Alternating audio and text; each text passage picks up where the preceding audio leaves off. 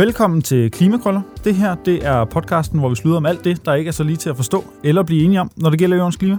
I dag der har vi øh, besøg af lidt en speciel kombination. Kai Kanafani, velkommen til. Tak. Du er øh, smed og forsker. Sidstnævnte på øh, Aalborg Universitet, hvor jeg også går. Jeg er det glad for er derfor, endelig du at er så blive- glad. Det er derfor, du er så glad. Jeg er det er endelig fordi, repræsenteret. Øhm, Kai, du ved en masse om, hvad det er, der sker ude på byggepladserne. Vi har tidligere haft øh, direktør for Realdania inde, Jesper Nygaard. Han kunne fortælle noget om, om de større øh, ambitioner for, for hans forening, helt konkret jo. Vil du ikke øh, prøve at, at gøre det lidt mere håndgribeligt for lytteren? Hvad er det, der sker på, på de danske byggepladser, og, og hvordan, øh, hvordan bevæger vi os i en bæredygtig retning? Ja. Øh, altså, man kan jo sige, at ressourceknaphed, det, det er sådan set har eksisteret siden, siden vi, vi laver bebyggelse ikke, af bosættelse øh, som mennesker. Øh, og så har, der, øh, har Danmark været så heldig at være rigtig god øh, de sidste par årtier siden oliekrisen. Øh, og øh, være i stand til at spare øh, energi med rigtig meget isolering og tætte bygninger og gode vinduer. Øh, og øh, så der er en, en, en god tradition for øh, og, øh, at, at sådan set spare øh, energiressourcer i, i, i byggeriet. Øh, og den tradition, øh, den bliver sådan set beriget med, med, med nogle, øh, en, et udvidet horisont, øh, som vi øh, kalder for måske ressourceeffektivitet, øh, hvor vi ikke kun ser på, hvor meget energi, der går ind i bygningen, men også øh, det åbenløse, man kan sige, den hvide elefant er jo, at bygningen består jo også af noget, og det kommer også et eller andet sted. Altså ligesom ikke strøm, øh, strømmen kommer ikke øh, kun ud fra stikdosen, men, men materialer kommer også et sted fra. Det går også et andet sted hen end i bygninger, hvis de ikke bliver brugt længere. Så det her materialefokus, øh, som vi kalder for indlejet øh, påvirkninger, øh, det kommer på dagsordenen nu, og det sidder vi rigtig meget med. Genialt navn. Indlejrede påvirkninger, så er alle med. Ja, helt sikkert. Men det var nemlig også noget af det, at Jesper han talte om. Det var det her med, at nå, i virkeligheden det allerbedste, det er ikke at bygge nyt. Altså uden de bygninger, der allerede står. Men når vi så taler om, når vi er nødt til at bygge en ny bygning til et eller andet nyt brug, hvad er det så for nogle materialer, vi skal have i brug, for at det kan blive bæredygtigt? Ja, øh, altså man kan sige, det er jo øh, almindelig sund fornuft, man kan bruge her. Byggeriet, det skal holde. Altså hvis vi, hvis vi bruger noget, der nedbrydes efter fem år, og bygningen var tænkt til at skulle holde 30 år, så er, der, så det, så er vi ikke hjulpet. Øh, så, og vi ved rigtig meget om, øh, hvilke krav der er til, øh, tekniske krav, der er til byggeri. Så der er noget, der skal, der skal være stabilt, der skal holde i jorden, der skal holde fugt og, og være lige ude. Øhm, og så tænker alle selvfølgelig, så skal der være så meget træ øh, eller biomaterialer som muligt i det. Og det er jo ikke helt forkert. Øh, men man kan sige, at i første omgang, så skal byggeriet kun rigtig meget. Og bygningsreglementet i dag stiller ultra høje krav til, til indeklima og sikkerhed øh, og komfort. Så, så vores levestandard, den sådan set er blevet øh, forstenet i bygningsreglementet. Og det er vi meget glade for, fordi så kan vi sidde i, sid, øh, i sikkerhed og fred øh, og her komfortabelt på mit sofa. Men det koster altså noget, ikke? Altså de er høje krav, øh, og dem skal man overholde, og det kan ikke gøres med, med, med træ alene. Øh, så der er også andre materialer, man skal som minimum kombinere træ med. De krav, som vi så har til vores øh, indeklima, og som vi nyder godt af lige nu, blandt andet, er det krav, som vi også har på klimaområdet, når det handler om bygninger, eller, eller kunne vi godt øh, hæve vores ambitioner på det område? Ja, det er en god pointe. Altså, det havde vi faktisk ikke, hvad angår de indlejrede påvirkninger af materialer. Men øh, den øh, regeringen har lanceret en national strategi for bæredygtigt byggeri, øh, et nyt et øh, i, øh, i øh, 21, og det betyder, at der bliver indført øh, CO2-krav i, byg, i bygningsreglementet i næste år fra januar. Øh, det vil sige, at større øh, nybyggeri, de skal faktisk overholde et, øh, øh, en grænseværdi for, for CO2, og den grænseværdi omfatter både øh, energiforbrug og de indlejrede øh, klimapåvirkninger. Så det er, øh, og der er Danmark sådan set øh, det, det første land i verden, der gør det. Så det, det, øh, det er meget fedt. Så en ting er det her med, at der er, nogle, der er nogle andre årsager til, at vi ikke bare bruger træ hele tiden. Men der er også det spørgsmål om opskalering. Vi havde professor i økonomi Peter Birk Sørensen inde og tale om, om vi i høj grad skal passe på Aalborg Portland og deres produktion af cement. Og der kom man ind på at sige, jamen træ, vi kan slet ikke bygge alle vores bygninger af træ. Der kommer ikke til at være træ nok. De papers, du studerer og kigger på, hvad siger de i forhold til, hvilke muligheder vi har for at bruge træ på større skala? Ja, nu er jeg ikke makroøkonom eller økonom i det hele taget. Men det, det, det handler om en, en omstilling, der, altså det, det kan ikke ske, altså verden over kan det ikke ske øh, over nat, og heller ikke øh, i, i en kort årrække. Øhm, øhm, men, men man kan sagtens, altså vi bygger jo allerede i træ i Danmark og andre lande omkring os.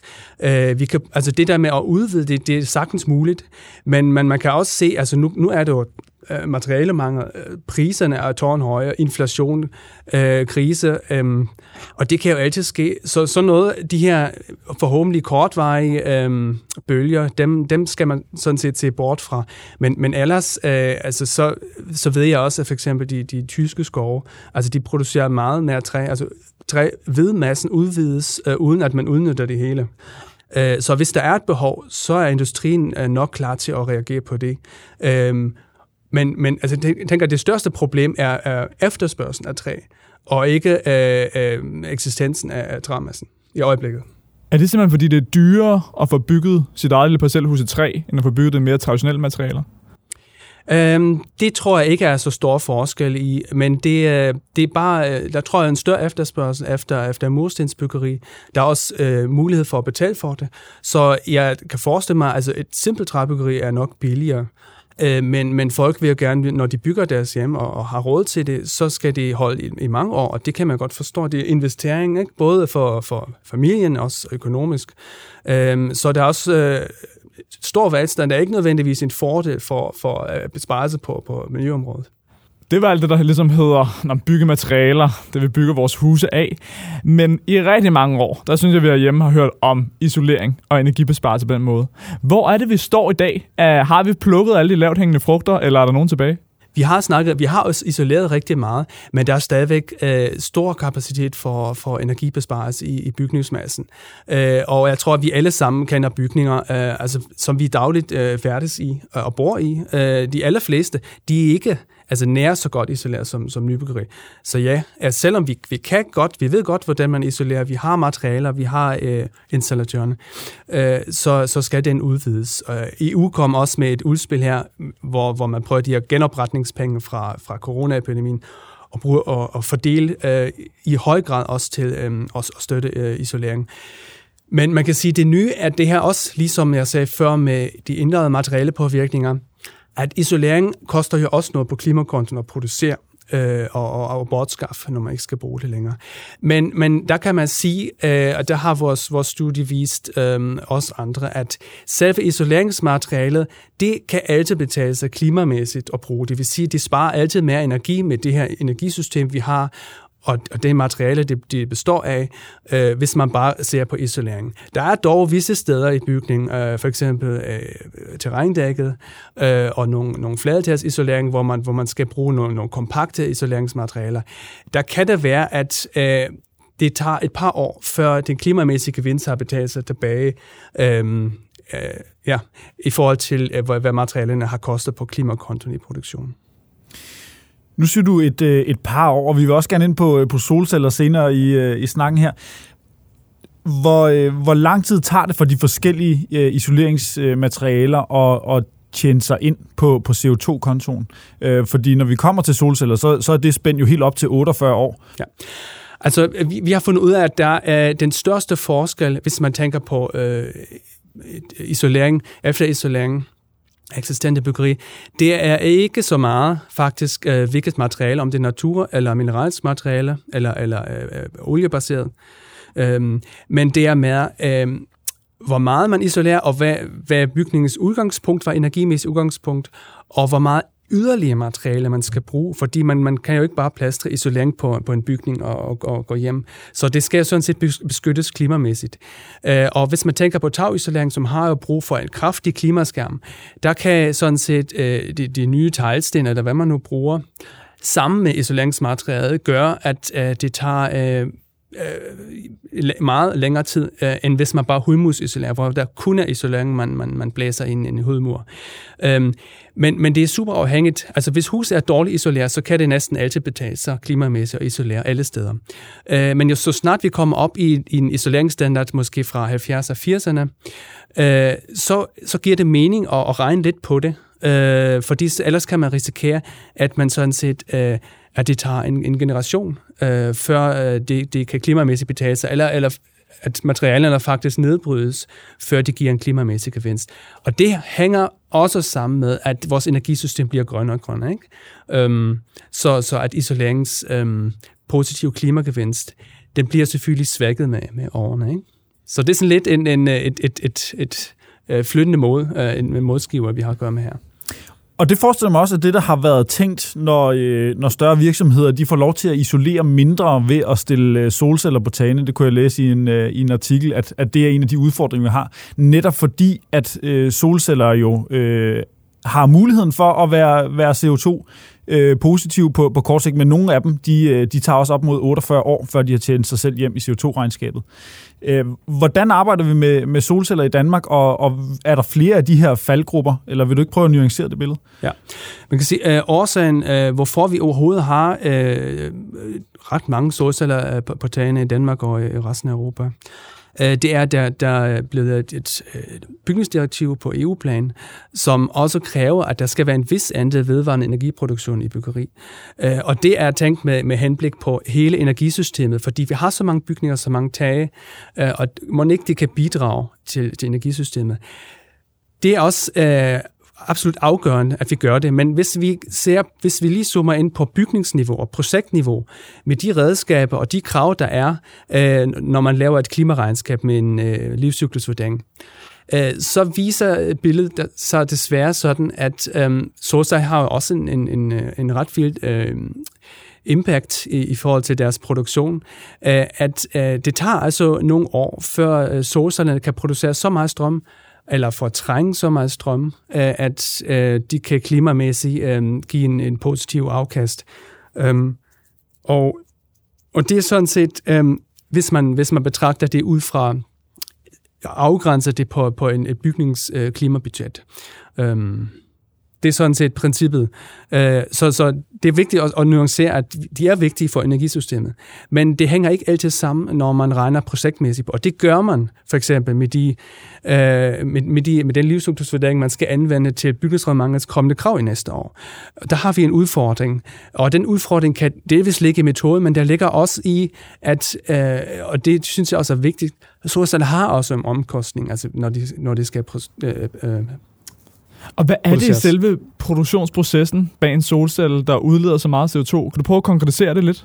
En lille smule. Nu er jeg jo uh, arkitekt, uh, men ikke uh, solcelleproducent. Men altså, uh, silicium solceller, der skal man sådan set bage uh, den her um, silicium-kage, uh, og uh, som er grundproduktet i de uh, mineralske solceller og uh, krystallinske solceller, undskyld. Um, og det er en energikrævende proces.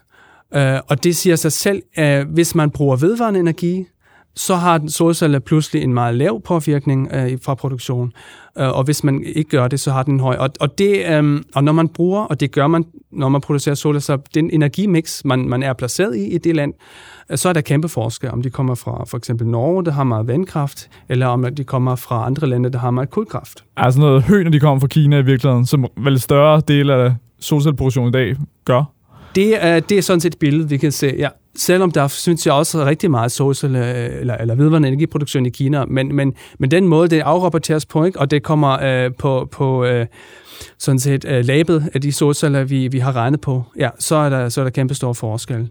Øh, men der er også europæiske solceller, der ikke nødvendigvis øh, øh har den allerbedste klimapåvirkning. Så, så det er nok et lidt øh, et puslespil at finde ud af det fordi der er ikke en, en mærkningsordning. Så i virkeligheden, når man som almindelig forbruger gerne vil have solceller på sit tag, gør man så noget godt, eller gør man ikke noget godt, når man sætter dem derop? Og hvordan ved man, om det er det ene eller det andet, der er tilfældet?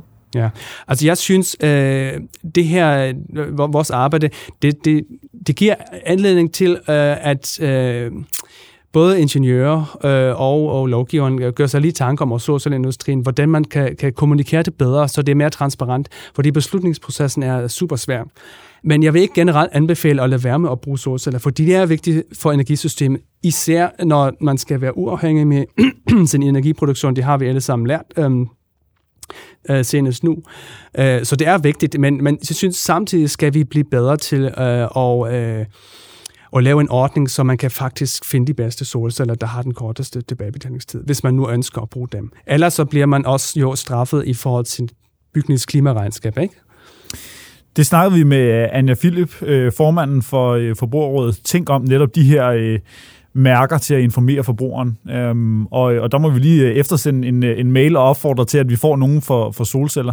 Fordi det er, ret, øh, det er ret vigtigt, kan jeg forstå, og forstå sådan set også i, på min biltur i går, hvor jeg snakkede med min mor og prøvede at overtale hende til at købe nogle solceller, hvor hun netop havde læst, at det kunne tage op til 48 år, før man øh, fik, fik tilbagebetalt det på, på CO2-balancen. Øh, hvis jeg, hvis jeg lige må tilføje en lille ting, det er jo rigtigt, altså så, så tager du det værste eksempel frem, ikke? men der er også nogen, der kan fint betale sig.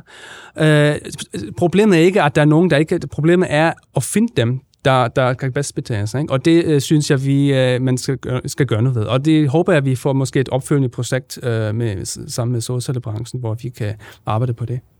Og problemet er vel også det her med det æstetiske udtryk, fordi nu har vi været lidt efter kirkerne, når de nogle gange har blokeret nogle vindmølleprojekter, fordi de synes, de er grimme, og man ikke skal stå og kigge på dem. Og vi siger, vindmølle, det der smukt, det der fremtiden, det der grønt. Men problemet, når det kommer til solceller, er det ikke, at det er de grimme solceller, der i er de bedste for klimaet, og det er de smukke solceller, der er dårligst? Det tror jeg godt, man øh, de fleste vil, vil, vil have det sådan. Men altså, jeg ved ikke om, om øh, altså, øh, øh, bølge fibercementportaget er meget smukkere end, end nogle solceller. Altså, det, det, det, det er jeg faktisk ikke enig i. Altså, det der med, at altså, nu har jeg også været i Københavns Kommune, og det handler om æstetik og refleksion. Nogle gange kan de give refleksioner, men det kan man sagtens finde ud af at placere dem sådan, at, at øh, man, man, man ikke har gener. Fordi store vinduespartier giver også kæmpe refleksioner. Ikke? Man kender det godt, der er nogen, der åbner et vindue i et kontorbygge, og så fik man lige et, et, et lys blitz i, i øjet. Altså, det er der, synes jeg, en dårlig undskyldning. Altså, jeg tænker, at hvis man i stedet for at plastre sådan en, en, en to paneler på, på et, et rødt tegltag, så, så har vi der allerede nu teknologier og produkter, hvor man sådan set øh, bygger hele tagfladen som, som solcelleparti. Ikke? Og det er da mega fedt, synes jeg. Godt, Kai. Det øh, lyder som om, at vi kan godt fortsætte øh, med at anbefale at, at få solceller. Der er, man skal lige passe på, at man ikke får, får valgt de forkerte, men, øh, men ellers så, øh, så er der grønt lys. Og så tror jeg sådan set bare, at vi vil sige uh, tusind tak, fordi du havde lyst til at uh, komme ind. Tak for det. Tak for, at jeg måtte være du gjorde os meget klogere. Tak.